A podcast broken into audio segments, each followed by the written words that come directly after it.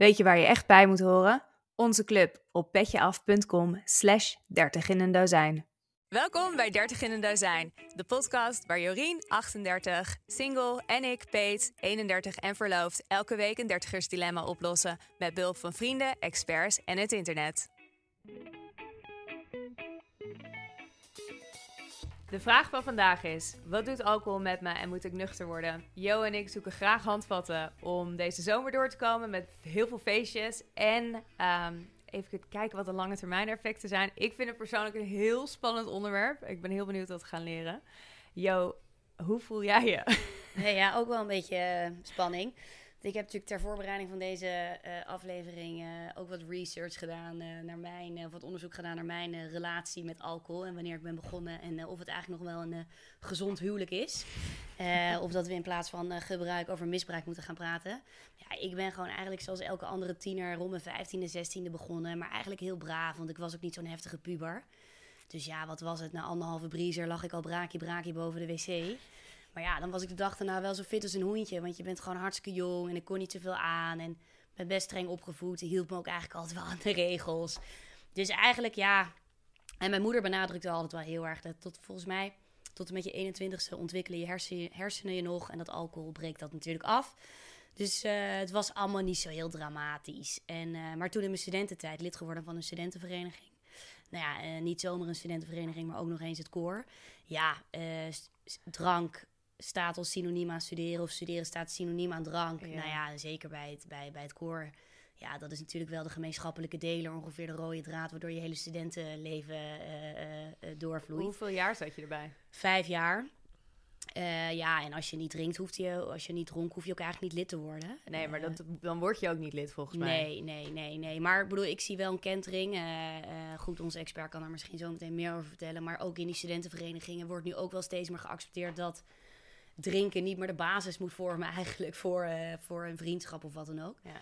Maar toen eigenlijk daar inderdaad wel goed doorgekacheld. En ik weet hem ook echt wel goed te raken.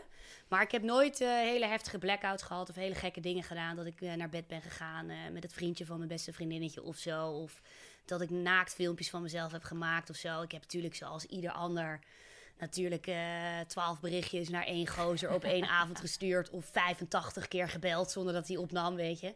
Tuurlijk, maar ja, dat hoort er een beetje bij. En dat toen, is jong zijn. Ja, en toen eigenlijk in, uh, in Amsterdam wel weer op hetzelfde tempo doorgegaan. Dus donderdag was dan Little Friday. En dan vrijdag echt ook nog wel tot half zes in de kleine cooldown. Zaterdag ook nog wel. Nou, toen dus uiteindelijk ook wel die burn-out in. Uh, en me toen heel erg bewust geworden hoe, hoe belangrijk mijn gezondheid en mijn energie is. En dat alcohol gewoon een energielek is.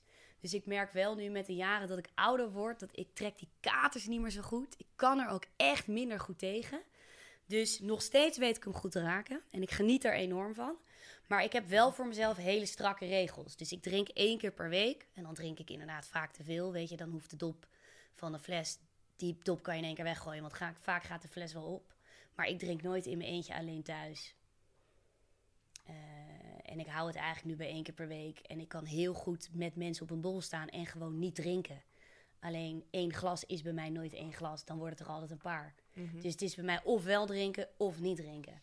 Dus ik vind eigenlijk, maar goed, onze expert zal, uh, zal zo meteen, uh, zal meteen uh, mij misschien eventueel evalueren. Ik zelf vind dat ik eigenlijk best wel een goede relatie met alcohol heb. En ik geniet er nog steeds van. maar ik ben me dus wel heel erg bewust van wat het eigenlijk met je doet. En ook ik hang er wel eens tegenaan om helemaal te stoppen met drinken. Ja. Maar goed. Maar en jij en jij jij? Vertel. Nou, ik vind mezelf dus oprecht een leuke persoon na één of twee wijntjes. En dat haat ik tegelijkertijd ook weer zo erg van mezelf. Um, ik weet nog heel goed, mijn allereerste blackout was na een avondje Pito's toen ik 23 was. En sindsdien komen die vrij gemakkelijk. Dus ik heb één keer echt een moment gehad waarbij de hele avond kwijt was. Ik werd wel in mijn eigen huis wakker. Alleen en met allemaal spullen. Dus iets is er goed gegaan. Maar um, sindsdien gebeurt dat vaker. Dus daar moet ik echt mee oppassen. En wat jij ook zegt over katers, die zijn tegenwoordig echt heel pittig. Dus aan het begin van de avond kies ik echt een alcohol. En dan blijf ik daar ook bij. Dus wijn of bier of wat dan ook. Eigenlijk nooit sterk. Shotjes ben ik ook mee gestopt. Haal ik niks meer uit. Maar ik zie wel echt een shift onder mijn Australische vrienden met name. En ik denk ook wel dat zij een ander, andere relatie hebben met alcohol dan wij. Daar zie ik echt een shift met dat als zij heel dronken worden, ehm, komt er ook heel vaak drugs op tafel. En ik heb een heleboel vrienden die er nu voor kiezen om nuchter te worden. Dus ik zie daarin wel echt een shift die ik heel interessant vind. Mijn partner die doet soms gewoon 100 dagen nuchter zijn. En ik denk dat hij het heel fijn zou vinden als ik ook nuchter zou worden. Dus eh, ik heb ook wat boeken daarover gekocht. Dus het zit heel erg in mijn hoofd. Acht bruiloften deze zomer. Ik heb geen idee hoe ik die door ga komen. Dus ik heb een heleboel te leren. Maar vind jij eh, je relatie met alcohol nog gezond nu? Nou, ik denk wel dat ik te veel drink. Ook, nou, je zal het zo horen met de facts en figures. Daaruit ben ik gewoon wel een soort statistiekje. Oh, Jij ja. trouwens ook. Ja, dat ik je net wel. zeggen. Maar ik, heb trouwens, ik heb trouwens de laatste tijd ook vaker last van blackout. Dat had ik echt voorheen nooit. Dat is echt ook iets nieuws voor mij.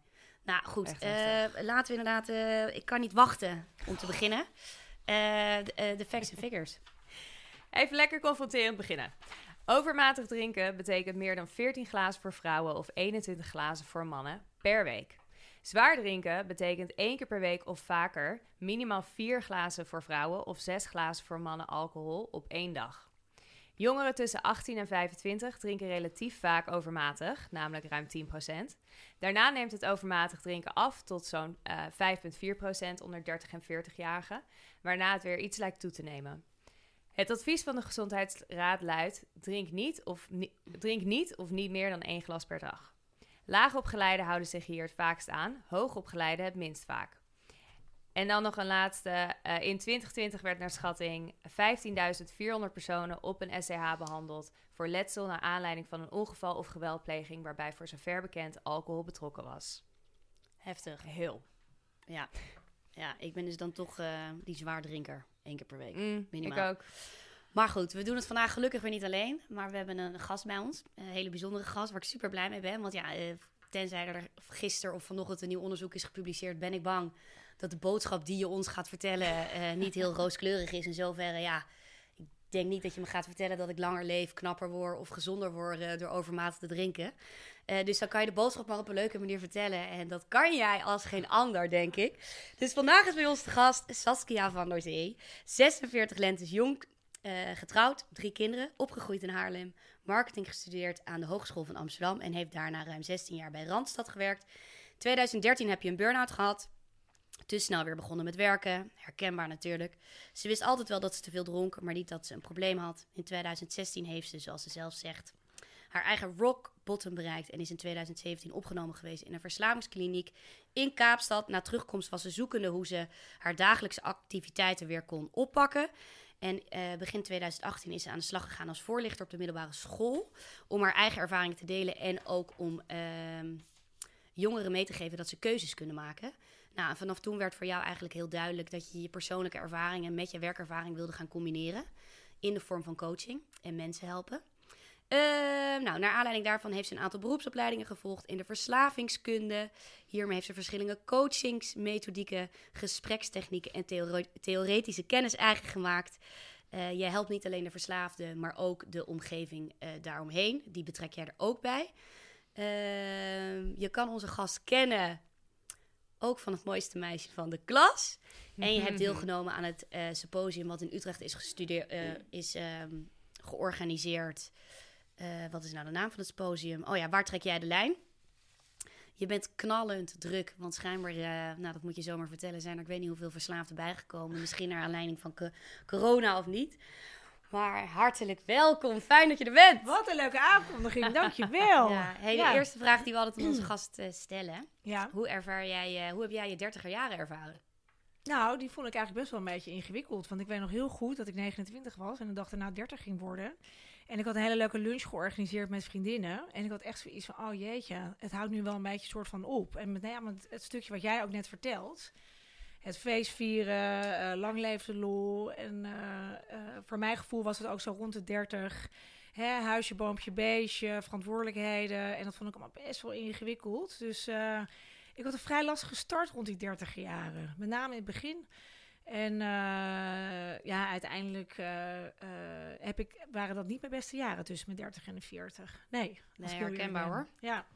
Maar ehm, ja, kun je, kun, je, kun je jouw verhaal, verhaal vertellen? Ja, Want Ja. jij bent, want ja, want ik had dus op Instagram een oproepje geplaatst, jongens, ik ben op zoek naar een alcoholdeskundige. Mm. Nou, toen kreeg ik natuurlijk allerlei gezellige, vriendschappelijke, professionele alcoholisten in mijn inbox. Maar ik wilde heel graag iemand die ook wel inderdaad het had gestudeerd of daar gewoon wat meer van af wist. Ja. Eh, in plaats van eh, inderdaad eh, iemand die gewoon te veel zuipt en uiteindelijk eh, eh, is afgekikt. Ja, en toch maar ook wel goed. zelf dat nuchtere pad bewandeld. Ja, maar jij bent uiteindelijk door schade en schande ook wijs geworden, want je bent ervaringsdeskundige. Ja, klopt. En daarmee zet ik inderdaad, wat je net ook al vertelt, hè, eh, anderen eh, ook mee in beweging.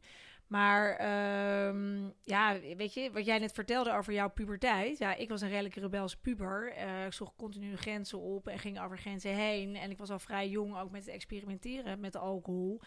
Ja, en ik had wel het idee van, hè, ik hoorde je ook net zeggen, ik heb wel één of twee wijntjes nodig om een beetje leuker te worden. Nou, dat had ik meteen al toen in de gaten, van, eh, dat dat iets voor me deed. En dat ik echt soort van mijn onzekerheden die ik als puber enorm had, van ben ik wel leuk, hoor ik er wel bij, eh, vinden ze me wel gaaf en eh, dat soort dingen. Ja, alcohol was wel echt een wondermiddeltje. Dus ja, ik vond het heel fijn. En eh, eh, ik kan me ook nog wel herinneren, zo hè, halverwege naar de 16, 17, 18 werd het ook wel steeds meer. Want ja, nu kan je niet zomaar ergens een kroeg in duiken. Maar vroeger konden we gewoon na de hockeywedstrijd gewoon een kratje halen. En konden we gaan drinken. En daarna konden we ook nog met elkaar de kroeg in om de derde helft in te luiden. Dus dat was, ja, dat was toen allemaal niet zo heel erg eh, shocking. Want ik was ook echt niet de enige. Alleen ik merkte wel dat het voor mij meteen wel een goed en positief effect had. En je had het idee dat dat minder om je heen gebeurde. Dat jouw vrienden en vriendinnen minder dat gevoel hadden. Nou, ik had wel het idee dat ik bijvoorbeeld sneller eh, moest overgeven. Dus een soort van misselijk werd. En daarna ging ik ook dan weer door en zo. Eh, ik merkte ook dat ik sneller dronk dan anderen. Eh, maar ja, goed. Ja, ja, ik at ook meer en zo. Dus ja, weet je, dat liep een beetje hand in hand met elkaar. Dus het was niet zo dat ik echt dacht meteen van, oh, ik ben heel anders of zo. Nee, ik merkte gewoon veel meer dat het mij hielp om, ja, om die puberteit een beetje door te komen. En ja, ik kon op die manier gewoon het ook allemaal wat langer volhouden. Ik kon een beetje de joker zijn. En ja, dat vond ik eigenlijk wel heel leuk in die periode. Dus ja, alleen maar heel erg positief toen in die tijd. Maar en hoe was jouw studententijd dan? Nou ja, mijn studententijd is wat rommelig verlopen. Want ik was opeens geslaagd op de middelbare school. En dat is ook zo'n moment dat je dan denkt: oké, weet je, ja, en dan nu heb je. En dan moet je nu een keuze gaan maken wat je moest gaan doen en zo. Nou, dat vond ik ook allemaal vrij lastig. Dus eh, ik wilde eigenlijk een jaar weg, maar dat vonden mijn ouders volgens mij niet zo goed. En toen ben ik maar schroevers gaan doen, omdat dat soort van handig was. Dat was al hier in Amsterdam. En uiteindelijk, na wat omzwervingen, heb ik uiteindelijk marketing gedaan. Maar rommelig in de vorm van dat ik ook niet zo goed wist wat ik wilde. Eh, ik zat nog best wel een beetje in een, beetje in een lang levende lol eh, eh, setting. Ik ben op een gegeven moment ook nog een keer een reis gaan maken van een half jaar met mijn zus samen. Omdat ik het allemaal niet zo goed wist. Nou ja, dus uiteindelijk heb ik wel gewoon een hbo-opleiding gehaald. Omdat ik dacht van ja, toch wel handig. Want ja, in deze maatschappij heb ik toch wel een papiertje nodig. Maar daar is ook alles mee gezegd. Maar heel zoekende dus. ja, Wat heel eigenlijk zoekende. heel normaal is hoor, denk ik, in die leeftijd of in die fase. Ja, maar ik had ook echt wel mensen om me heen die echt wel wisten wat ze wilden gaan doen. En die heel specifiek daar een richting in kozen. En, eh, ja, en drank was altijd al wel gewoon een rode draad, ook in die periode. En, ehm, maar ook niet het gevoel van, oh, het is heel erg of zo. Weet je, echt wel ongelukken met je fiets in de tramrails blijven Mm. hangen. En inderdaad die blackouts, eh, dat, dat soort zaken. Maar ja, weet je, ik was niet de enige. Dat gebeurde wel, Ja. wel om me heen ook. Dus het was niet dat ik echt, dacht, oh jeetje, die heeft echt wel een probleem. Dat, dat gevoel had ik helemaal niet. Nee. Nee, dat is het ook. Als je vooral met de studentenvereniging, maar ik ook met mijn vrienden, als iedereen lam wordt en, eh, g- en zingend naar huis gaat, dan heb je ook niet het idee dat je een probleem hebt. Nee, en dan, Nee. Is, en dan, is het ook, dan zijn het ook leuke verhalen. En in Ja, dan ik- heb je het de volgende dag weer over en dan lig je helemaal in een deuk. wij teren nog steeds op die herinneringen. Ja. maar wel een beetje wat jij net zei van... oké, wie heb ik allemaal geappt en gebeld en, en, en dat soort dingen. Dat werd, op een gegeven moment gingen wel bij mij dingetjes dat ik dacht van... is het, is het oké of is het niet oké? Dat ik het ook niet meer tegen vriendinnen durfde te zeggen. Mm. En dan heb je wel een beetje het gevoel van... goh, misschien ga ik hier toch een klein grensje over. Ja, dat, ja, dat je er wat minder open over bent. Dan de eerste dan maar ha, ha, ha. En op een gegeven moment wordt het wat minder ha, ha. Want dan gaan mensen toch werken. En dan komen er toch wat meer verantwoordelijkheden bij kijken. En in die tijd, weet je, eh, ook dat nam ik allemaal niet zo heel erg serieus. Dat werk zag ook een beetje als een verlengstuk van mijn studententijd.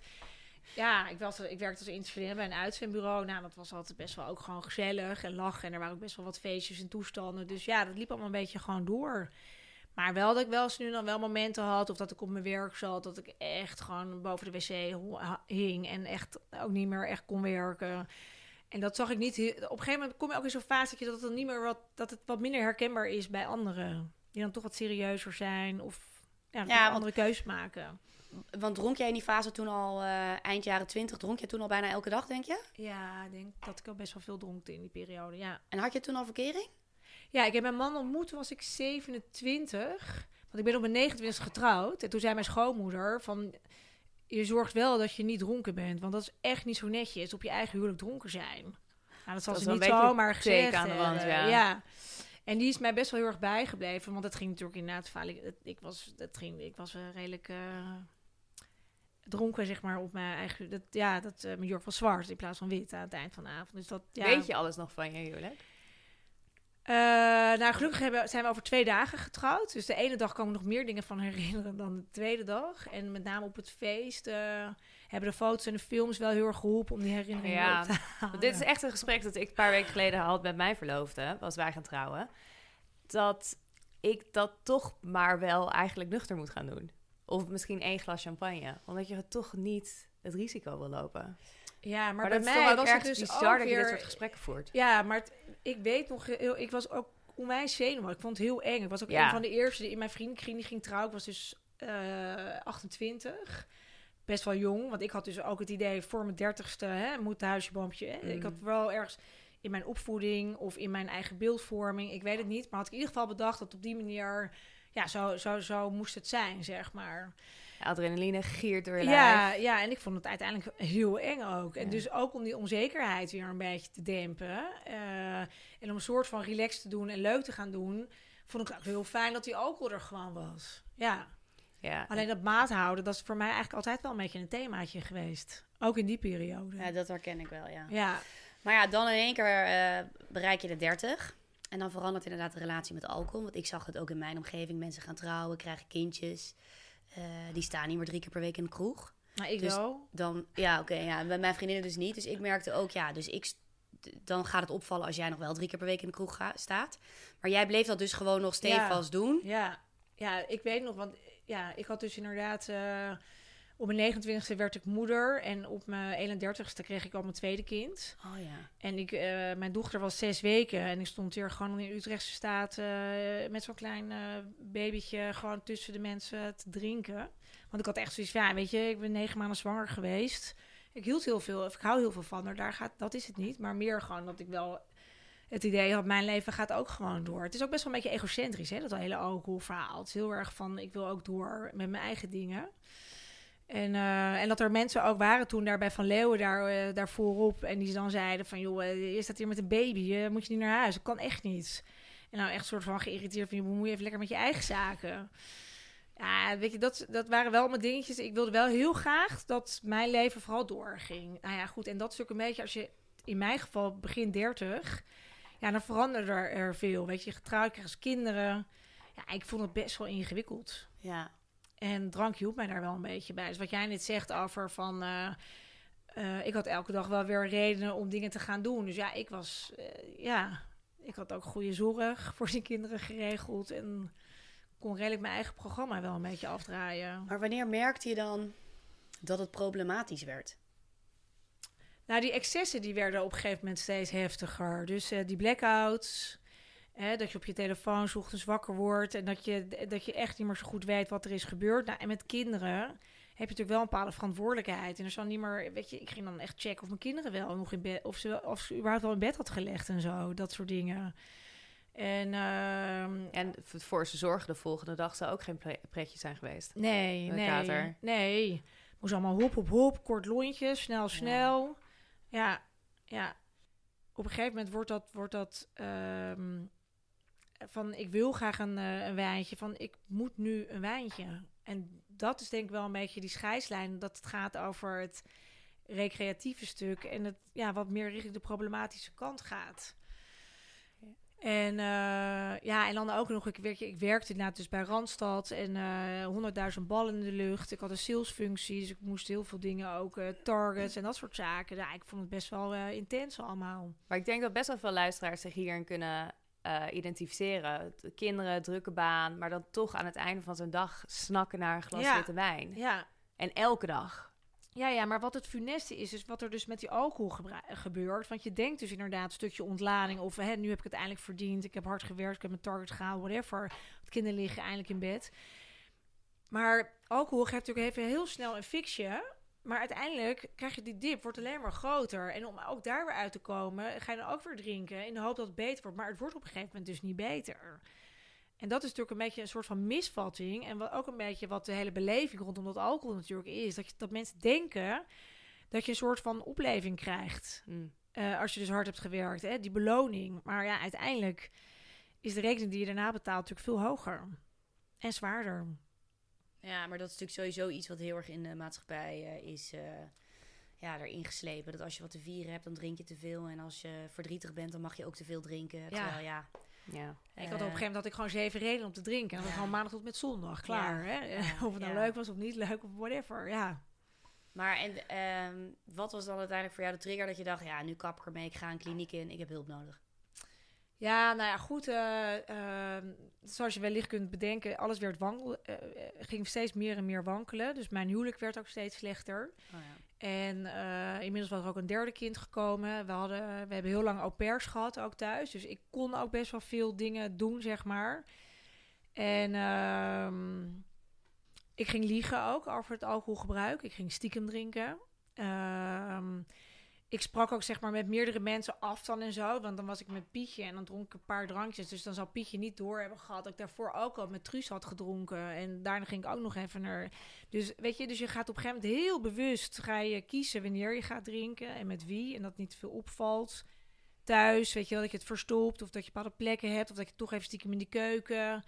Nou ja, weet je, dus op een gegeven moment merk je wel dat het, dat het te veel wordt. En eh, nou ja, en er zat eigenlijk achteraf gezien zat er natuurlijk heel veel frustratie en opgekropte woede en weet ik het wat allemaal, wat ik op een niet goed kon uiten. En toen op een gegeven moment was het eh, rond de kerst, had ik een eh, etentje in de stad en eh, met een aantal vriendinnen. En nou, toen is het helemaal misgegaan. Toen was ik op een gegeven moment redelijk, of tenminste eigenlijk heel dronken. En toen had een vriendinnetje een taxi voor mij geregeld. En, ehm, en toen was ik beledigd omdat zij een taxi voor mij had geregeld. Van joh, weet je, ik ga nog helemaal niet naar huis. Ik heb nog hartstikke naar mijn zin. Er is helemaal niks aan de hand. Toen hebben we daar ruzie gekregen. En eh, toen ben ik boos weggelopen. En toen heb ik mijn fiets gepakt. En toen ben ik vanaf het Leidseplein zo op het Vondelpark ingefietst. En daar heb ik een klappertje gemaakt. En daar ben ik toen al, eh, ja, drie een uur later of zo, eh, met terugwerk, ben ik door gevonden door iemand. Helemaal onder Wow. het bloed. En ja, totaal weg. En die heeft toen een ambulance en alles gebeld. En eh, die kwamen daar toen. eh. en toen wilde ik niet mee. En toen had ik echt zoiets, joh, er is niks aan de hand. Ik was ook, ik had, het was midden in de winter, ik had een jurkje aan. Ik was ook mijn jas had niet bij me. Het was echt heel armoedig. En eh, toen hebben ze mijn man gebeld midden in de nacht. Maar ja, die was eigenlijk best wel heel erg klaar met mij. En door alles wat de afgelopen ja, maanden, jaren daarvoor zich ook had afgespeeld. Maar goed, die is me toch komen ophalen. En toen de volgende dag, toen zaten een aantal vriendinnen bij mij rond de tafel. Eentje ook echt huilend van, joh Sas, het gaat gewoon echt niet goed met je. Je moet echt wat gaan doen. En toen dacht ik, jezus, wat zie jij nou aan te stellen? Echt helemaal niks aan de hand. Bleef maar doorgaan dat ik, dat ik het wel mee vond vallen. En toen bleek achteraf dat zij weer een ander vriendinnetje had gebeld. Van, joh, weet je, ik, kom niet tot, ik dring niet tot de door. Eh, wil jij een poging eh, wagen? En toen was er een ander vriendinnetje en die heeft me echt letterlijk echt bij de arm gepakt. Je gaat nu bellen, het gaat niet goed, je gaat hulp zoeken. Je hoeft het niet alleen te doen, ik ga met je mee. En toen zaten we binnen, volgens mij de volgende dag zat ik met haar bij de huisarts. En daar zat ik natuurlijk nog steeds de vrolijke joker uit te hangen. Dat dan maar niks aan de hand en iedereen kan toch een keer vallen en eh, nou, zo.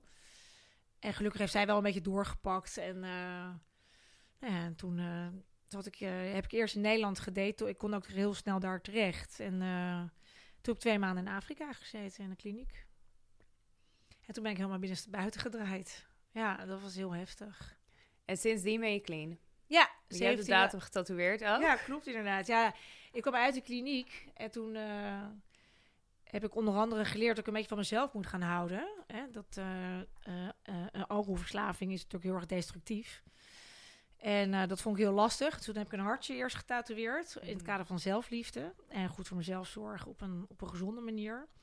En toen wilde ik ook al de datum erin zetten, want dat vond ik heel gevaarlijk. En toen dacht ik, nou, weet je, als ik ooit een keer die vijf jaar aan ga tikken, dan eh, mag die datum erin. En dat was afgelopen januari, dus die eh, staat er Wauw. sinds januari erin. Ja, Wat een verhaal. Ja, heftig verhaal. Wel echt mooi dat je dit met ons deelt. Ja. Raakt me ook wel. ja het raakt mij ook nog steeds hoor, als ik het zo vertel. Ja. Ja, Ehm, Ik vind die eerlijkheid echt fantastisch. Ja, en natuurlijk ergens gewoon heel veel dingen ook wel herkenbaar. Ook als ik nog steeds met vriendinnetjes nu ga drinken.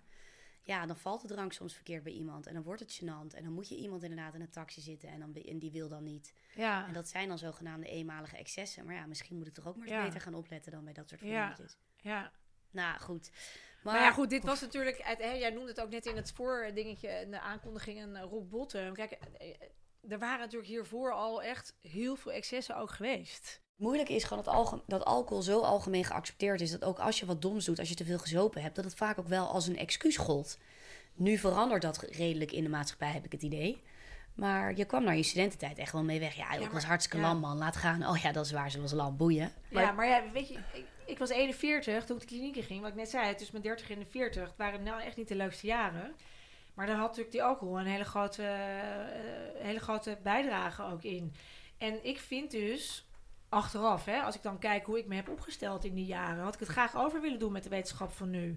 Want ja, je komt niet meer weg met van, ah, ik was lam en eh, ik ben gevallen. eh, of, weet je, het houdt een keer op. Want in je studententijd is het grappig, maar op een gegeven moment word je toch een soort van volwassen. En dan denk je toch wel een beetje, nou, een beetje gekkig hoor, dat, dat, jou dat nou weer net is overkomen. Ik vraag me ook wel altijd af, zoals nu, nu vind je het echt een beetje raar als men- mensen nog fulltime paffen. Mensen die fulltime roken, dat denk je, nou wat ouderwets. Ik vraag me echt af of wij over een jaar of dertig dat denken over nu. Weet je, bij al die talkshow hosts, of al die talkshows zitten mensen met een biertje of een witte wijn. En dat je dan over 30 jaar denkt, wat absurd dat we dat deden. Vroeger dronk, eh, hoe heet dat, eh, rookten we in een vliegtuig. Ja, ja. Hoezo drinken wij nu? Ja, Ja. ja. daar, daar heb ik ook wel eens een keer wat gesprekken over gehad. Want we zijn natuurlijk eh, de laatste paar jaren zijn we natuurlijk ook veel meer eh, achter de feiten van alcohol gekomen. En hoe Mm. schadelijk het ook is voor je gezondheid en wat de effecten ervan zijn. En dat, dat wisten we tien jaar geleden niet. En ik zie wel, als we het hebben over een stukje bewustwording en volgens mij ook die facts en fixer waar jij het net over had, dat er ook eh, de afgelopen vier jaar volgens mij ook het percentage niet-drinkers is toegenomen. Weliswaar heel gestaag, maar er zit wel een soort van groei in. Wat er dus wel voor zorgt dat mensen het wel steeds eh, meer realistischer worden. Van oké, weet je, wat betekent dat nou voor mij? Ik denk ook, wij hebben, wij op Instagram voor onze volgers, het 30 in een dozijn, vragen wij altijd, of kondigen wij aan wie wij ehm, als experts zullen hebben, wat voor onderwerpen we bespreken. We hebben nog nooit zoveel vragen ingestuurd gekregen als over alcohol. Dus het is Ja, duidelijk het iets is, dat eh, echt ja, leeft, ook ja. onder onze luisteraars. Ja, er is wel wat maatschappelijk aan de hand. Net wat ik zei, dat Mm. symposium dat georganiseerd Ja. is, waar, waar jij dagvoorzitter was. Ja, dat was natuurlijk dat, dat heeft meer te maken met drugs. Maar goed, er is natuurlijk een enorme correlatie tussen alcohol en drugs. Alcohol is wel gewoon nummer vier als het gaat over de, hè, de, de ergste drugsvormen die, eh, die hier zijn in Nederland. En dat is natuurlijk niet voor niks. En eh, alcohol heeft veel meer schadelijke effecten. eh, wat we niet allemaal gewoon weten als we dat lekkere wijntje of dat lekkere roze- rozeetje in onze hand hebben. We verheerlijken het ook natuurlijk heel erg. Hè, kijk even naar vrouwen hè, en borstkanker. Eh, borstkanker komt ook voor, in, nou niet in altijd, maar wel in vaak in combinatie met overmatig alcoholgebruik. En dat wil niet zeggen dat je meteen verslaafd bent, maar wel door gewoon langdurig structureel te drinken. Oh Eh, ja? Ja. Dat is, dat is Hittig. wetenschappelijk bewezen. Ja. En, Ja. En, en wat is overmatig eh, drankgebruik dan? Ja, letterlijk is volgens mij overmatig drankgebruik als je... Nou, jij was van de feiten, toch? Ja, Hoe zat het ook weer precies? Overmatig drinken betekent meer dan 14 glazen voor vrouwen of 21 glazen voor mannen per week. Ja, dus 14 glazen dus voor... twee glazen per avond voor ja, vrouw. ja, dus als je dat een lange tijd doet, dan is er een, en je hebt er dan ook nog een bepaalde gevoeligheid of iets genetisch, whatever, dan is er, een, is er gewoon wel een reële kans op borstkanker. En dat weten ook niet, eh, dat weten ook niet. eh, ik heb ook best wel wat cliënten gehad die dat ook, eh, die dat hebben gehad. En dat is echt wel eh, heel erg onderschat en heel vaak niet wetend. En weet je wat, er, wat nu in mijn hoofd schiet, wat ik zo suf vind? Ik probeer heel erg op mijn suiker te letten. Ja. Ik sport. Ik doe van alles om dingen als kanker te voorkomen. Maar dan drink ik wel heel graag een wijntje meerdere avonden per week. Ja, Ja, ja. Ik voel me eigenlijk direct heel dom. ja ik schrik er Ja. ook een beetje van. Ja. Ja, het is. En nou ja, dat, dankzij de wetenschap is dat natuurlijk ook wel wat ook steeds meer ook bekend wordt. En wat vaak onder, het, hè, onder de aandacht ook wordt gebracht om het kenbaar te maken. En weet je, dan hebben we het nog niet eens over pro- mensen met problemen met lever. Hè? Want dat is natuurlijk het eerste orgaan wat aangetikt wordt als je, als je drinkt. Alleen het goede nieuws is van een lever is dat het ook weer kan herstellen. Nou, dat is een van de weinige organen, toch? Klopt. Ja, Want eigenlijk wordt alles wel aangetast. ja, Je hersenen ook. ja, ja. Ik krijg het heel warm van het gesprek. Ja, ja. Nou ja, vergeetachtigheid is natuurlijk ook wel iets wat, wat, wat daaruit voortkomt natuurlijk. Hè? Dat, dat alcohol, weet je, jij noemde net het, het puberbrein tot 21. Volgens mij is het zelfs tot 25 jaar, wat ik uh, toen ik de voorlichtingen gaf uh, begreep. Dat het uh, puberbrein zich ontwikkelt. En, maar ook hè, daarna is het natuurlijk wel zo dat het, dat het afbreuk doet. Ja, en niet alleen op het moment zelf, maar de dag erna heb je brain fog. Je vergeet, ja. je blijft dan ook dingen vergeten. Het is niet alleen maar die avond zelf. Nee. En je had het in de. Uh, jij dronk omdat je af en toe zoekende was en onzeker was. Ja. Uh, je hoeft helemaal. Je, de, ik ga je die vraag niet eens stellen. Ik bedoel, wat jij allemaal met je psycholoog hebt besproken. Maar geloof jij erin dat de oorzaak van alcoholmisbruik over het algemeen een psychische oorzaak is? Nou, het is een combinatie dus van. Hè, dus op een gegeven moment. Het begint natuurlijk met inderdaad. Hè, het, als ik het even op mezelf mag betrekken. Het niet om kunnen gaan met emoties. Even in de breedste vorm van het woord. En um, dat was ook de boodschap eh, toen ik de voorlichting gaf aan jongeren. Hè. Wat, wat, als we zien bij jongeren, die gaan om twee redenen gaan ze experimenteren. Dat is enerzijds groepsdruk en anderzijds het niet kunnen omgaan met problemen. En ja, ik had nog steeds last van groepsdruk op het schoolplein toen ik uh, begin 30 was. Dus groepsdruk is natuurlijk niet iets wat we alleen maar op scholen en op uh, studentenverenigingen zien, maar ook op het schoolplein, althans in mijn situatie dan. Uh, op het werk zien we dat. Hè? Dus, dus dat is echt wel iets wat natuurlijk een thema is, wat, wat op, ook op lange, latere leeftijd speelt. Ja, de moedermafia. Ja, exact, inderdaad. Weer een ander thema. Ook ja. leuk voor jullie podcast ja. trouwens. anyway. En uh, het omgaan met problemen. Ja, bij mij zijn er echt wel een aantal dingen gebeurd. Waar, waar ik gewoon niet heel makkelijk, uh, waar ik niet goed mee ben omgegaan. En waar ik inderdaad alcohol heb gebruikt als, zoals ze dat noemen, een, uh, een coping, een overlevingsmechanisme. Wat me hielp om maar gewoon weg te drukken. En en, en je tolerantiegrens wordt steeds hoger. Dus je hebt steeds meer nodig om het gewenste effect te krijgen. En dat zorgt natuurlijk weer voor die lichamelijke afhankelijkheid. Dus had, jij, had jij nog wel katers op een gegeven moment of ook niet meer? Nou, bijna niet meer. Ja, natuurlijk wel. Ik was heel versuft. Vergeetachtigheid, dingen niet meer echt exact weten. Maar goed, ik heb het voordeel dat ik redelijk verbaal sterk ben. Dus ik kom er nog redelijk uit uh, praten op mijn werk bijvoorbeeld. En, ja. en wat dronk jij dan aan het einde? Zeker wel een fles. Ja, ik denk wel meer. Ja. Fles wijn. En op een gegeven ja, oh ja, wijn. Ja. ja. Geen bierflesje, nee. Ja, bier, nee, dat. Ja, oh, ik dacht meer tequila maar, of zo. Nee. Maar op een gegeven moment ging ik ook steeds meer sterk drinken, omdat wijn ook op een gegeven moment niet meer zoveel voor je doet. Nee. Dus uh, gin tonics en dat soort dingen. Ja. ja. Dus ik geloof meer, weet je, en uh, sommige mensen zeggen ook, dus als je dus de onderliggende problematiek van je alcoholprobleem, zeg maar, aanpakt en oplost, of in ieder geval een manier gaat vinden om daar op een andere manier mee om te gaan, kan je dan niet nog wat drinken?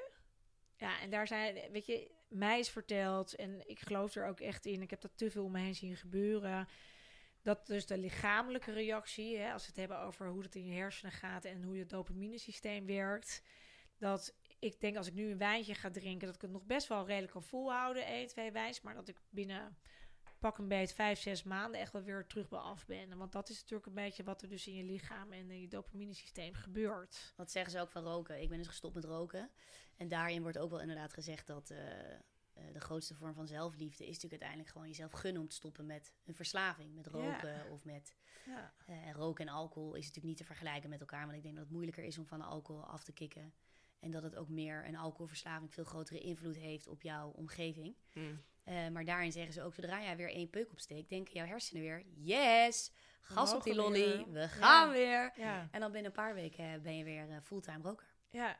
Ja, roken is inderdaad net een andere verslaving, want dat, hè, dat is niet werkt niet geestverruimend. En nee. um, roken is echt meer verslaving die je echt op wilskracht uh, hè, kunt, kunt afkicken. Maar het effect, als we het hebben dus over het dopaminesysteem, wat er dan gebeurt, dat is inderdaad wel vergelijkbaar, ja. ja. Hey, en corona? Ja, Heb jij drukker? Zie je meer verslavingen? Uh... Ja, en dan kom ik toch weer een beetje op wat je net ook zei. Hè? Uh, uh, corona heeft mentaal ook heel veel met de mens gedaan.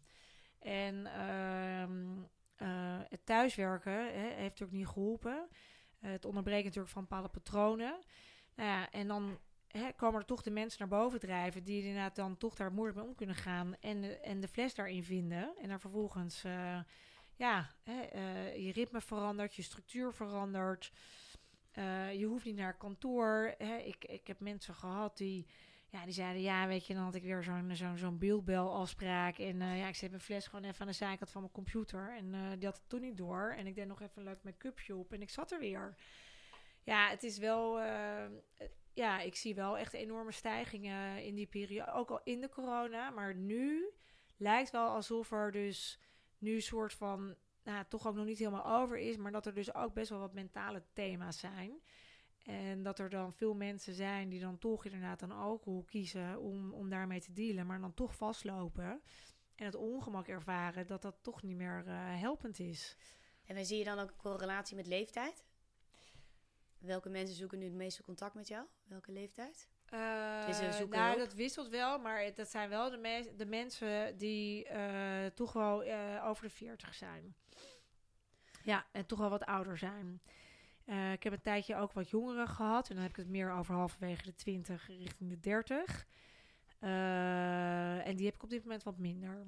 Ja, daarom denk ik ook echt dat het goed is dat we dit behandelen. Want ik zie het dus in mijn omgeving. Dus Peet is dan in principe begin 30, ik ben eh, eind 30. En, ja, eh, ja, ja, ja, ja, ja. Je moet voor alles wat hebben, toch? Ja, Ja, maar dus ik zie dus nu bij het vriendinnetjes van mij dat die dus nu beginnen te praten met alcoholcoaches.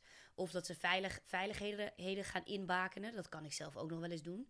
En dat wat ze- voor veiligheden? Nou, dat ze zeggen, ik ga niet met je eten op zaterdag. Want ik weet gewoon, bij mij is het nooit één glas. Het is altijd een, een, een fles. Ja, maar je kon toch wel eten? hè? Eh, Ja, ik merk maar het dat... met veel vrienden dat ze dan echt het nuchter blijven heel moeilijk vinden. Een vriend in Australië die is echt begonnen met naar etentjes rijden ook. Zodat hij Oh, ja. gedwongen wordt om niet te, Oh, ja. te Ja, dus het is een thema wat speelt. Dus mensen zijn, wat jij zegt, inderdaad Ja.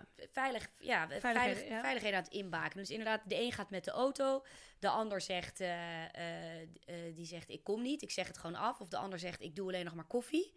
Eh, dus, maar ik merk dus ook inderdaad met vriendinnetjes eind 30, zie ik dus nu ook dat die dus inderdaad ook een beetje beginnen te struggelen. En dat die dus beginnen te vertellen dat ze dus inderdaad thuiskomen en een glas wijn drinken. Om de rauwe, wat zeiden ze nou, de rauwe randjes er een beetje van vanaf te. En toen Ja. dacht ik, wow, dat is toch wel heftig. Als je dat, want dat is eigenlijk toch wel, dan begint je relatie met alcohol te veranderen. Zeker wel, zeker. Want dan hè, hè, dat, dat, dat willen en dat moeten.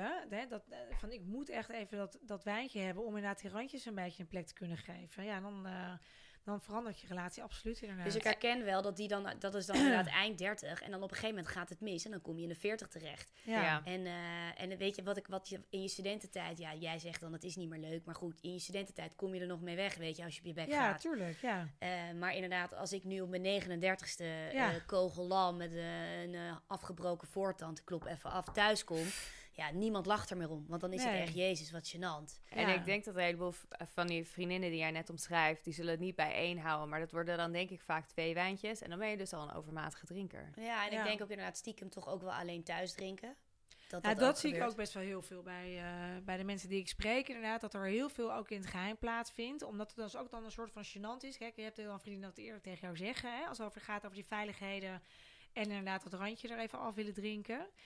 Maar er zijn natuurlijk ook genoeg mensen die dat niet zeggen. En die dus heel erg juist in het geheim dat gaan Precies, doen. dus eigenlijk is het heel slim wat ze doet. Want ze bakent daarmee nog een veiligheid in. Dat Door ik te haar dus, door, ja. dat ik haar in de smiezen haal. Weet je, Mhm, zo moeten we elkaar mhm. natuurlijk allemaal een beetje gewoon Ja. in de gaten Ja, houden. en ik Ja. kan me in het begin dat wel voorstellen. Maar het moet natuurlijk nooit het doel zijn om niet meer met vriendinnen uit eten te willen gaan. Of niet meer te denken dat je het kan. Je moet wel aan jezelf blijven werken dat dat weer mogelijkheden zijn. Maar aan het begin kan ik me wel voorstellen dat je jezelf echt in bescherming moet nemen.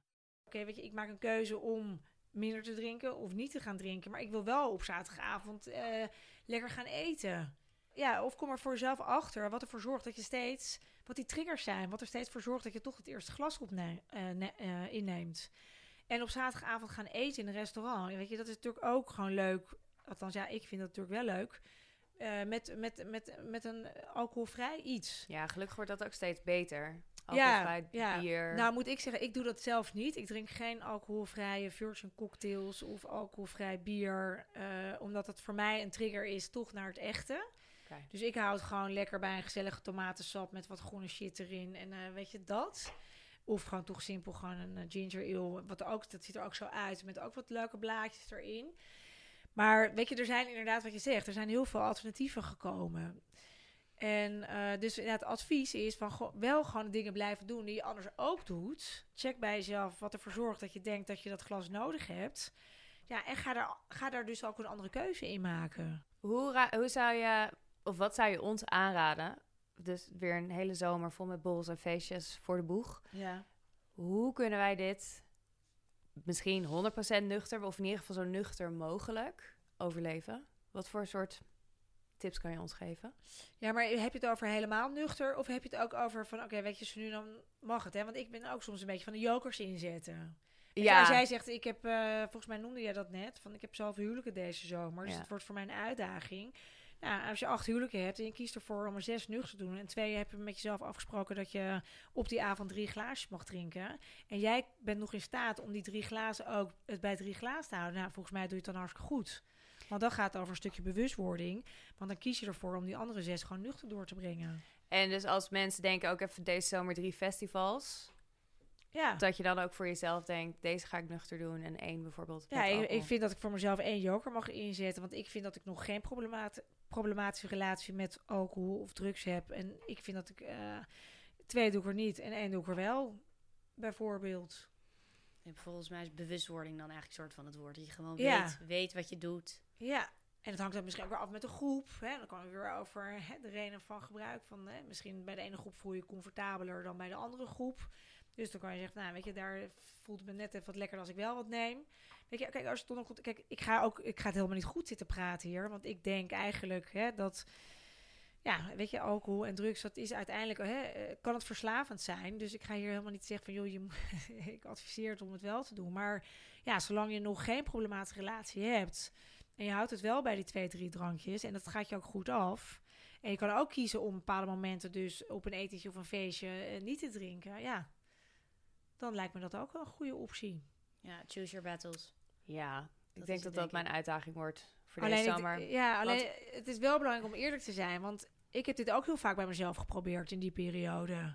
Ja, je moet er wel Ja, echt doorzetten. ja. Anders moet het gewoon echt ophouden. Want bij mij lukte dat dus op een gegeven moment niet meer om die twee, drie. En dan dacht nou, oké, oké, oké. Nou, het is gisteren, oké, vanavond dan echt niet. Ja, ik, en dan kan het wel, ja, je hebt geen ruggengraat. Ja, ja, ja, of je hebt geen ruggengraat, of je bent verslaafd, of eh, hè, je relatie is wat obsessiever geworden. Ja, dan is het natuurlijk wel een ander verhaal. Dan zou ik geen jokers meer gaan inzetten. Ja. Ja, maar dus even terug op dat corona. eh, jij, de oorzaak van dus inderdaad de, de, de meerdere alcoholisten die jij eventueel nu in je praktijk ziet, heeft dus vaak wel te maken met de mentale klap die de meeste mensen tijdens corona hebben gehad. Ja, combinatie inderdaad. Van, weet je, inderdaad, dat thuiswerken, dat heeft absoluut niet geholpen. Hè? Mensen hebben gewoon ook eh, collega's om zich heen nodig en Ja. mensen. Hè? En als je gewoon, eh, weet je, begin 30 bent en je woont eh, op jezelf, je hebt een lekker huisje en zo, dat is natuurlijk allemaal hartstikke lekker. Maar ja, na een paar maanden komt dat natuurlijk echt wel, eh, is het echt niet meer zo lachen. En als je dan, ja, als je dan toch ontdekt dat drank iets voor je kan betekenen om, om die dagen enigszins een beetje goed door te komen, ja, dan kan het natuurlijk van kwaad tot erg worden. Maar Dus- jij ziet wel een stijging na corona. Ja, ja, ja. Denk je ook dat het ja, misschien- Erg, hè? Ja, Ja. ja. Denk je dat het misschien ook moeilijk was voor mensen die al een begin een probleem hadden voor corona? Dat het dan heel moeilijk was om het thuis nog geheim te houden. Omdat ze niet naar een kroeg konden. Ze konden niet met Pietje Truus en eh, Jantje afspreken. En ja, en dan heb je het over de mensen die ook nog een soort van gezin of zo Ja, hebben. met iemand samenwonen. Ja, ja. Ja, want dan kan je het helemaal, kan je, moet- moet je inderdaad eh, heel creatief zijn. Hè? In de garage heb ik gehoord, in de auto heb ik gehoord. Ja, en dan word je heel lucratief in eh, op zolder, weet je, de- om het daar te verstoppen en dan daar te drinken. Maar goed. voorraadjes aanleggen. Kijk, Ja. dan is het natuurlijk heel duidelijk dat iemand een alcoholprobleem heeft. Als iemand inderdaad stiekem gaat zitten drinken en inderdaad flessen gaat zitten verstoppen. Ja, heb Maar- je dan meteen een alcoholprobleem? Vind je? Vind ik ook wel een interessant thema wat je nu zegt. Oh ja, ja, Oh, ja, ja? ja. Ja? Maar misschien ben ik ook daarin ook dan een beetje, hoe zeg je dat? Door goede tijden, slechte tijden, weet je. Ik bedoel, als je kijkt naar de series en naar de filmen. ja, als, eh, als iemand eh eh wodka in eh spa roodflessen gaat Ja. zitten doen en daaruit gaat zitten ik drinken. ben het wel met je eens. Ja, hoor. Dat is ook dan, idee ja, dat ik dat, Ja, dat is voor ja. mij, Wel een grens. dat is voor, ja, dan ben je voor mij echt alcoholist. Oh, oké. Ja, dan heb je echt een alcoholprobleem. Ja. Dus vind jij, vind jij dat nog niet? Nou ja, het, het, het heeft wel iets obsessiefs inderdaad. En, eh, en ik ging ook stiekem wat drinken, omdat ik, het, ja, omdat ik veel te veel commentaar kreeg. Ja, Ik vond me niet mezelf meteen een alcoholist natuurlijk. nee. Drinkt je man nog steeds? Ja, in het begin heeft hij dat even niet gedaan, want eh, hij, eh, eh, hij was solidair ook met mij. We hebben nog steeds geen alcohol in huis. En ja, mijn kinderen worden ook wat ouder, dus die drinken ook soms wel een drankje en zo. Maar we hebben nog wel steeds de regel dat we geen alcohol in huis hebben. En mijn man die drinkt wel, even wat terugkomt op jouw vraag, inmiddels wel Oh. weer. Want ik voelde me ook op een gegeven moment een soort van opgelaten, weet je wel. Want het is mijn probleem. Ik kies ervoor hè, om het niet meer te doen. Maar ik vond het in het begin wel rete ingewikkeld. Maar interessant wat je net zegt. Dus ook als jij mensen zou uitnodigen voor eten, bijvoorbeeld bij, jullie thuis, thuis, ja. dat is een alcoholvrij etentje. Ja. En feestjes, Oh. verjaardagen. Allemaal alcoholvrij. Oh, dat vind ik ook wel heel En toen ik vijf jaar clean was, toen eh, had ik dus ook een, eh, ja, wilde eigenlijk een soort borreltje doen. Maar dat werd gewoon thee. En eh, nou ja, weet je, dus die vriendinnen die allemaal kwamen, ja, die weten, maar ze weten het ook dat er bij mij Ja. geen alcohol is. En ik, Ik vind het ook wel verfrissend. Ik denk dat zij Ja. het ook wel verfrissend ja, kunnen maar ook vinden. gewoon duidelijk. En ook niet, ook, ook dan een flesje meenemen of zo. Nee, ja, nee, doe maar in je eigen tijd. Dus mensen weten het ook gewoon. En dat vond ik heel eng in het begin, want ik was natuurlijk heel erg bang dat ik afgewezen zou worden, dat er niemand meer ging komen, omdat er Mm. geen alcohol in huis was. En ja, dat, er gaat natuurlijk wel een soort van, ik doe er nu heel cool en heel stoer over, maar dat vond ik in het begin echt wel heel ingewikkeld. Ja, kan ik me enorm goed voorstellen. Ja, Maar dit is misschien ook wel een soort tip voor de luisteraars. Met dat je dit wel kan doen en kan eisen of ja, kan verwachten van je vrienden dat ze je daarmee helpen. En als ze dat dus niet doen, dan weet je denk ik ook waar je vriendschap staat. Ja. ja, ja. En dat is iets wat je wel zelf heel makkelijk kan ehm, controleren. En redigeren. Ja. ja, regisseren. Ja, klopt. Ja, We stipten het net al heel kort even aan. Dus we, hadden, we kregen mega veel vragen binnen via, be- via Instagram. En de, meest gestelde vraag was eigenlijk... eh, als je excessief te veel gezopen hebt, dus over het algemeen in studententijd... kan je daar op de lange termijn schade van ondervinden. ja, maar dat hangt natuurlijk wel een beetje vanaf wat je daarna gaat doen. Kijk, als je dat ritme een beetje... Dat hebben ze er niet bij verteld. Ja, nee, dat begrijp ik. Maar ga kijk, als je excessief hebt gedronken en je gaat op een gegeven moment na je studie je verantwoordelijkheden aan en je hebt een baan en je denkt, joh, weet je, dat was lachen, keten, eh, gieren en brullen en ik ben er klaar mee. En je, eh, je gaat daar op een gegeven moment anders mee om. Dan zullen de gevolgen ook minder heftig zijn. Maar hè, vind je het lastig om dat hele leven, zeg maar, en al die gekkigheid eh, los te laten en je wil dat blijven vasthouden, wat ik natuurlijk in bepaalde mate heb gedaan, ja, dan is het natuurlijk een ander verhaal. Dus ik denk dat het daar wel mee te maken heeft. Kijk, uiteindelijk heeft, of je nou in je studententijd of in je puberteit of, eh, of in, in je, in je begin 30 jaar.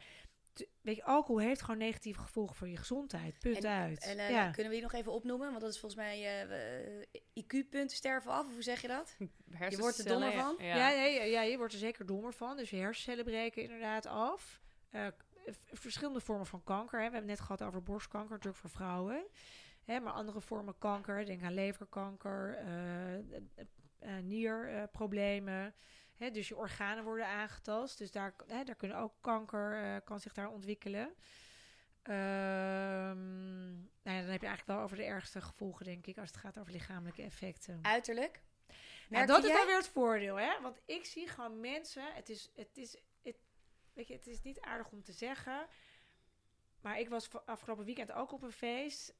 En ik zie het gewoon, weet je. Ik zie het aan huid, ik zie het aan ogen, ik zie het aan...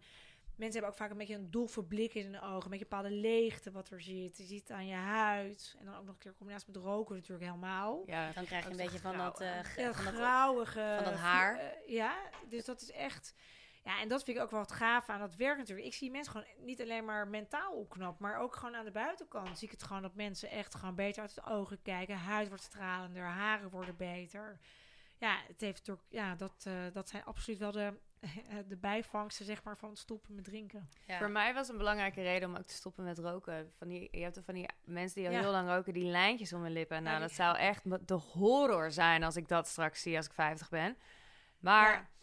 Ja, je maar drinkt ja. dan wel. Ja, maar je herkent ze direct. Ja, ik kom dan uit Den Haag en wij zitten dan na Scheveningen. Nou, dan wordt gewoon nog lekker doorgepaft hoor. En dan eh, Ja. hebben ze zo'n lekkere uitgroei. Weet je, dan heb je zo'n boven 2 centimeter grijs haar zitten. Met daaronder een soort van, nou ja, Half geblondeerd Ja, maar ook al zijn met ze allemaal van die- verzorgd. Nee, maar dat, dat zijn ze dus niet. Met van die, van, die, van die gespleten haarpunten. En dan inderdaad met zo'n caballero zonder filter dan in hun bakken. En dan met allemaal met van die Ja. lijntjes hier. Ja, je maar je hebt ook hele uit. verzorgde oude vrouwtjes. Maar dan zie je gewoon nog steeds dat ze hun hele leven hebben gerookt. Echt verschrikkelijk. Ja, en ik, weet je, en ik zie ze ook. Dan komen ze met allemaal make-up en allemaal toestanden komen ze binnen. En dan toch, weet je, als je er een uur tegenover zit, dan zie je echt wel eh, dat er echt wel wat anders onder zit. Ja. Dat, eh, dat dry January, ja. Ik eh, heb nu... ehm, het is wel grappig, want jij vertelde net over corona. Veel mensen die dan in hun eentje wonen, dat die veel naar de fles grepen. Ik heb dus het tegenovergestelde gedaan. Ik heb dus eigenlijk helemaal niet zoveel gedronken. Ik vond het eigenlijk best comfortabel, die hele corona. Tuurlijk, weet je, die rammelende eierstokken van me. En eh, eh, ik werd natuurlijk ook af en toe wel een beetje eenzaam. Maar ik was af en toe... eh, ik ben dus niet eh, naar de fles gaan grijpen. Oké. Maar ik was dus wel, ehm, nou, dat, dat, dus ik heb dus eigenlijk, ja, ik denk misschien wel 50 dagen achter elkaar helemaal niet gedronken. Wat Maar- knap. Maar, Voelde je je helemaal aan ja, top of maar, the world? Ja, maar Nee. voelde je ook wat, zeg nee, maar? dat is Oh, dus het wel hele punt. Dat wil ik dus aan jou vragen. Dat hele Dry Oh. January. Wat, hoe kijk je daar tegenover? Ja, nou, ik- laat ik het zo zeggen. Eh, emotioneel eh, ben je wat stabieler Ja. en je kan dingen wel... Ja, dus het is inderdaad gelul. Maar het is Mentaal niet... ben je wel wat sterker. Ja, mentaal ben je sterker, maar het is niet dat ik een rondje extra kan rennen. Ja, maar wat, wat ren je daarvoor? Als je daarvoor helemaal geen rondje rent. en Jawel, dan- ik dan ren, wel. ik ren mijn hele leven. Ja. Ik kan ook sinds ik gestopt ben met roken, lijkt het wel alsof ik minder ver kan rennen dan daarvoor. Dat heeft dus- met leeftijd te maken misschien. Ja, dat, daar ben ik dus een beetje bang voor. Dat dat bij mij een beetje de killer is, inderdaad. Maar wat, wat vind jij van dat Dry January?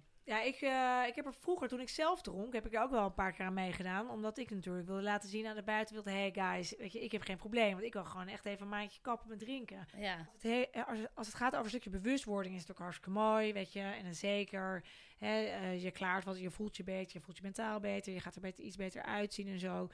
Alleen ja, ik vind ook een bepaalde schijnveiligheid. ja. En ehm, eh, het valt of staat zeg maar gewoon van, oké, weet je, hoe ga je erin? Wat is je, wat is je alcohol, eh, alcoholrelatie ook daarvoor en daarna? Weet je, als jij het inderdaad even 30 dagen stopt, kan je echt wel wat, wat, wat effecten ervaren als het gaat over je gezondheid. Maar als je daar dan eh, nog harder gaat drinken, wat in mijn geval dus zo gebeurde, ja, dan heeft het natuurlijk echt totaal geen zin. Iedereen loopt enorm af te zien. Iedereen vindt zichzelf enorm zielig dat hij dus een Dry Ja. January heeft... om vervolgens op Nou, 1 februari direct Keihard te gaan zuipen. een soort van Maar- comateus... En zichzelf in een hol opsluit. Precies, steen heel zitten. januari. Dus Ja. dat kwam weer terug op dat verhaal van net. Dat moet je natuurlijk voorkomen. Dat je hele sociale cirkels niet meer ziet. Ja, maar dat zie ik dus gebeuren. Mensen Ja. gaan zich echt ik opsluiten. met mijn vrienden ook hoor. Ik zie er een heleboel gewoon niet in januari, omdat ze dat doen. Ja, maar hoe Nou, leuk is dat dan? Heb ik niet de ballen om dry, dry January te, doen- te doen. Dus ik weet niet of ik wat iets mag zeggen. Maar Ja, ja. Maar weet je, het is ook daarin geldt, weet je, check je motieven. Weet je, waarom doe je het?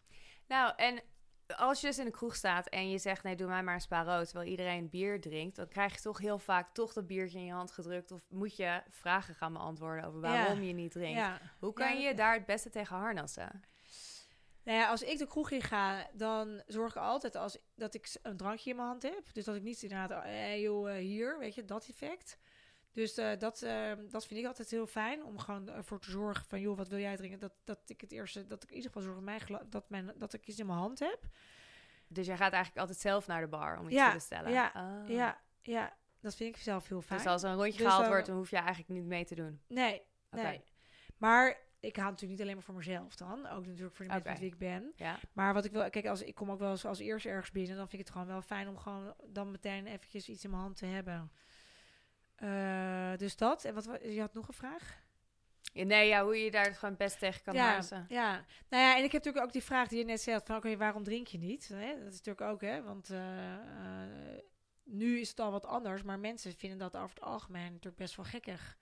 Als je in een kroeg staat en je, en je drinkt niet of je bent ergens anders. Nou, wel gekkig. Het is inderdaad nu anders, maar het was drie jaar geleden Ja, gewoon niet dat geaccepteerd, hoor. Ja, Doe niet zo super triest. eh eh, shotje erbij. eh. Nee, ja, dat. Ja. Ja, of meteen beestvanger.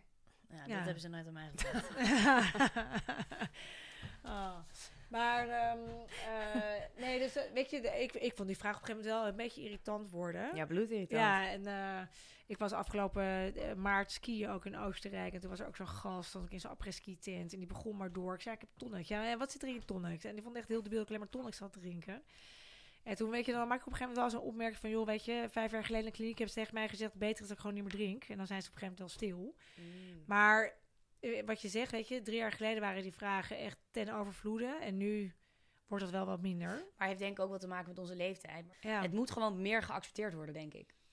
Maar waar ik heel benieuwd naar ben, wat... ehm, want je hebt natuurlijk inderdaad eh, eh, een soort van ehm, geheime alcoholisten, zou ik maar zeggen. Dus eigenlijk alcoholisten die zeggen dat ze geen alcoholist zijn. Mhm. En dan heb ik nu zo'n beeld voor me van de huisvrouw in Goois. In, Ja, eh, ze weten het denk ik oprecht ook niet van zichzelf. Nou, dat is niet helemaal waar. Want ik zei ook dat ik het niet, dat ik het niet was. Maar diep down van binnen, weet je, was ik gewoon niet blij. Was ik ongelukkig. Ook echt wel heel somber. En deed ik hele dit. Weet je, dus soms weten, voelen ze zich wel dat. Maar door dat drinken is dat gevoel ook weer snel weer weg. Dus er zijn echt wel momenten in de dag of in de week dat je dat wel ervaart bij jezelf. Maar zijn dat dan ook over het algemeen de alcoholisten die je, tegen, die je tegenkomt, die je behandelt? Dus die in principe gewoon nog deelnemen aan de maatschappij? Ja, ik zit Die gewoon ja. nog functioneren? Ja, ik heb de high functioned edit, Ja. zoals dat eh, wordt genoemd. En kijk, hier staat het ook. Hè? Jij had je over die facts en figures. Dat ehm, hè, het advies van de gezondheidsraad leidt drink niet of, of niet meer dan één glas per dag. En laag opgeleiden houden zich hier het vaakst aan. En hoog opgeleiden het minst vaak. Hè? Als we over de high functioned edit hebben we het vaak over de hoger opgeleiden. En die houden zich dus hier het minst vaak aan. En dat heeft ook met meerdere redenen ook te maken. Hè? Dat heeft te maken dat mensen in het bedrijfsleven zitten, hogere functies hebben. Heel moeilijk vinden om de druk aan te, aan, aan te kunnen gaan en eh, om te blijven performen. En daardoor vaak iets zoeken, of alcohol of drugs, hè, wat ervoor zorgt dat dat beter gaat. Eh, plus het feit dat deze doelgroep ook vaak meer te besteden heeft en daardoor ook de verslaving veel langer in stand blijft. Nou, en hoog opgeleid, dat heb ik ook wel geleerd. Ik bedoel, mensen die hoog opgeleid zijn, zijn over het algemeen eigenwijs. Ik bedoel, iemand die lager opgeleid is, gaat hun natuurlijk niet de les lezen. nee, en die dus- nemen het vaker aan Ja. en die volgen adviezen sneller op. Nou, precies, want die denken van, nou, een dokter zal het wel beter weten dan ik. Terwijl, eh, eh, ja, ik ben net zo hoog opgeleid als de dokter. Dus wat denkt die dokter mij te gaan zitten vertellen? Die weet Ja. het echt niet beter dan ik. Nee.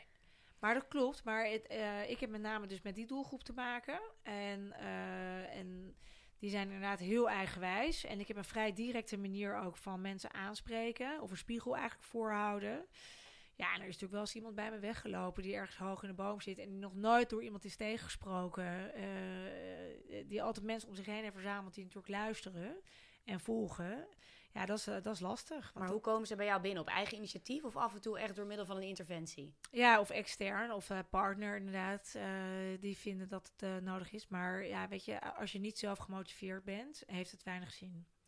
Ik kreeg Ja. van het weekend ook weer een belletje van iemand. En ja, nee, ik moet echt dit en dat. Ja, maar als hij dan, hè, als, als diegene niet zelf hè, de consequentie ervaart van het gedrag wat hij aan het doen is, dan gaat hij ook niet de noodzaak voelen om iets te veranderen. Dus ja, dat, dat eh, moet echt uit de persoon zelf komen. Stel dat er op al die punten die je eerder benoemde, er gaat een belletje af in iemands hoofd en denkt, ik wil, denk ik, zo'n eh, behandeling in. Hoe ziet dat eruit bij jou? Eh, nou, ik, mijn eh, coachingstraject duurt drie maanden. om, om en nabij, hè, met daarna nog wat nazorg. Ehm, ik begin altijd met een intakegesprek aan de hand van een intakeformulier. Waarbij het belangrijk is om een beetje achtergrond te hebben. Hè, van hoe, hoe, hoe, was je als puber? Wat voor levensgebeurtenissen zijn er geweest? Hoe ben je ermee omgegaan, et cetera. Eh, vervolgens eh, breng ik eigenlijk alle leefgebieden in kaart door een aantal werkdocumenten die ik daarvoor inzet. Want hè, als het gaat over een, eh, een problematische relatie met alcohol, is het of zwart of wit. Weet je, het is of dit of dat en er zit weinig tussen. Dus het is heel erg zoeken weer naar de balans. Eh, de triggers vind ik belangrijk om in kaart te brengen, want het herstellen van een alcoholprobleem is uiteindelijk een gedragsverandering. Een gedragsverandering heeft hè, eh, in, je in je hoofd zeg maar 100 dagen tijd nodig om ook te beklijven. Dus vandaar ook die drie maanden. Ehm, de interne en externe triggers, hè, mensen, plekken, gebeurtenissen, dat zijn externe dingen. Dus ja, weet je, ik fiets hier ook weer eh, door de stad heen en ik kwam natuurlijk ook allemaal weer plekken tegen. Ik denk, oh, oh. Maar ja, goed, nu heb ik een manier gevonden om daar wel gewoon naartoe te gaan. Maar dat, dat zijn dus inderdaad triggers. Hoe ga je daar dus vervolgens mee om? Moeten ze direct stoppen met drinken als ze bij jou beginnen? Nee, bij mij moet niks, hè? Oh. Er moet helemaal niks. Mensen komen uit eigen beweging. Alleen, ik wil wel graag eh bepaalde abstinentie hebben. En als, het een keer, eh, als er iets gebeurt, hè, dan kunnen we het daarover hebben. Want dat is ook belangrijk. Want uiteindelijk, die fles is er niet opeens. Hè, er gaat een heel proces aan vooraf. Gedachten, gevoelens, eh, gebeurtenissen. Weet je, hoe heb, hoe heb je daarop gehandeld? Dus, eh, dus ik ga helemaal niet zeggen, je moet dit of je moet dat. Maar als het gaat over tot je gevoel komen en het omgaan met emoties... is het natuurlijk wel fijn als iemand abstinent wordt... eh, om op die manier wat dichter bij je gevoel te kunnen komen. en ook. abstinent is dus eh alcoholloos. En drugs. Oh, oké, ja. Ja. Dus, dus dat. En dan ook experimenteren, ook met nieuw gedrag. Vind ik ook altijd heel erg belangrijk. Dus dingen die we dan bespreken of dingen waar ze tegenaan lopen. Oké, weet je, gaat ze op deze manier doen, gaat ze op dat doen. Eh, wat kom je daar tegen? En, een- en een degelijk terugvalpreventieverhaal. En dat doe ik middels een brief aan jezelf. Waarin je een brief mag schrijven aan jezelf. Eh, wat ervoor zorgde dat je bij mij was terechtgekomen. Wat je, welke inzichten je hebt opgedaan. Hoe je nieuw gedrag blijft eh, doen. Hoe je steun en je hulpnetwerk eruit ziet op het moment als je het moeilijk hebt. Ehm, nou, zo. Waar vinden mensen je? Op mijn website. Wat is je website? www.happysober.nl Die zullen we zeker op de site zetten. Maar wacht, Ja. ik heb nog even, want we, Oh. lopen, we lopen tegen het einde aan, hè? Eh, iedereen wil graag nog even weten wanneer je officieel eh, verslaafd bent. Is dit al eigenlijk bij twee drankjes? Ik ben geen arts, dus ik ga niet zeggen jij bent verslaafd of jij bent niet verslaafd. Weet je, mensen vragen heel makkelijk, ja, maar Saskia, ik drink zo en zo, ben ik dan verslaafd? Ja, ik doe geen diagnostiek, dat, daar ben ik niet van. Maar als jij ongemak ervaart en je komt erachter dat je steeds meer dingen zeg maar laat omdat je wil drinken en steeds meer hè, eh, dingen verwaarloos je omdat je de drank als prioriteit stelt, ja, dan gaat er op een gegeven moment ga je een scheidslijn over dat het toch wel een beetje problematisch wordt en dat je er wellicht iets mee zou kunnen gaan oplossen. Ik heb het heel warm van dit gesprek. We hebben hier een heleboel dingen over na te denken. Ja, want ik wil eigenlijk... naar- hoe zit je in de wedstrijd nu, Peet? Nou, ik zit wel tijdens het gesprek zat ik denk volgende week drie bruiloften. Allemaal meerdere dagen. Ja, Maar mijn partner wilde die ook heel graag nuchter doen. oké. Dus ik denk dat we gewoon samen moeten afspreken dat we die helemaal nuchter gaan doen. We zijn anderhalve week weg in totaal. En dan lijkt het me ook wel weer een goede test. Je zegt het is vijf tot zeven dagen voordat de alcohol uit je lichaam is. Om dan echt eventjes die test aan te gaan. Nou ja, wat ik natuurlijk aan het begin van het gesprek zei... dat ik vind dat ik een hele gezonde relatie met alcohol heb. Ja, daar kom ik dan misschien nu ook wel op terug, weet je. ja, het is natuurlijk gewoon... eh, ja, de boodschap is gewoon niet zo heel leuk. En, eh, Ja, en, en je, dit is bewustwording. En eh, ik merk toch ook wel dat ik inderdaad niet meer in bepaalde situaties kom. Dus toch inderdaad dingen niet meer doe. Ja, mis- ja ik zie mezelf niet als een verslaafde, maar... Nou, je hebt bij mij ook wel ehm, iets... eh, nou, ik ga er wel over nadenken. Ik ben Ja. heel benieuwd Ja. wat, al- wat de luisteraars denken. We, ho- we horen echt heel graag Ja. wat op vragen.dertiginendozijn.nl. Eh, normaal gesproken eh, vragen we onze gasten altijd aan het einde van het gesprek: heb je nog een takeaway voor ons? een takeaway. Ja, een tip. Wat een, je meegeeft, Ja. ja. Voor de dertiger, Ehm, eh, ja, nou ja, goed. Kijk, wat eigenlijk wat een beetje mijn tip is, is... is ehm, ik vond het dus reet ingewikkeld om die verantwoordelijkheden aan te gaan. Toen ik dus begin 30 was, daar is het denk ik ook voor een groot gedeelte wel een beetje misgegaan. En dan kan je zeggen, goh, heb je dat dan niet geleerd of zo? Dat weet ik allemaal verder niet. Maar de tip zou dan wel een beetje zijn van, goh, weet je, check je motieven en eh, pak je verantwoordelijkheden waar nodig. En wees eerlijk ook naar jezelf daarin met welke intentie je dingen doet.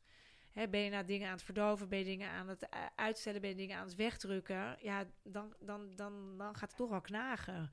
Nou, en ik denk dat ook even, dat zijn we helemaal vergeten te vragen. Eh, je drinkt niet meer. Vind je het leven nog leuk? Ja, mega leuk. Ja, Ja, dat is natuurlijk alleen maar, nee, maar veel zeggen. leuker eigenlijk. Want ik was fucking ongelukkig. Ja, en niet de hele tijd natuurlijk, maar echt met vlagen heel erg. En ja, en- nee, drank gaf me echt helemaal niks meer op het einde. Dus Nee. nee, ik ben heel blij. Dus het leven zonder alcohol is eigenlijk net zo leuk. Wat zeg ik misschien nog wel Nou, leuker. voor mij is het wel leuker geworden. Voor mij is het echt veel leuker. Mijn relatie is beter. Ik heb drie fantastische kinderen waar ik heel van geniet. Ik heb mega leuke vrienden om me heen. Ja, ik ben echt een heel blij mens. Nou, echt afsluiten. Ja. Mega bedankt voor je tijd. Ja, En voor je superleuk. Ja, leuk dat ik hier mocht zijn. En die eerlijkheid. Ja, nou Heel ja, mooi. Ik, ja, Dank je. ik hoop dat we onze luisteraars ook wat meer bewust kunnen laten worden over alcohol. Ja, Ja. we gaan het meemaken. Dankjewel. Dank je. Dankjewel voor het luisteren naar 30 in een dozijn. Heb je vragen? E-mail ons naar vragen@dertiginendozijn.nl en volg ons op Instagram @dertiginendozijn. Doedels!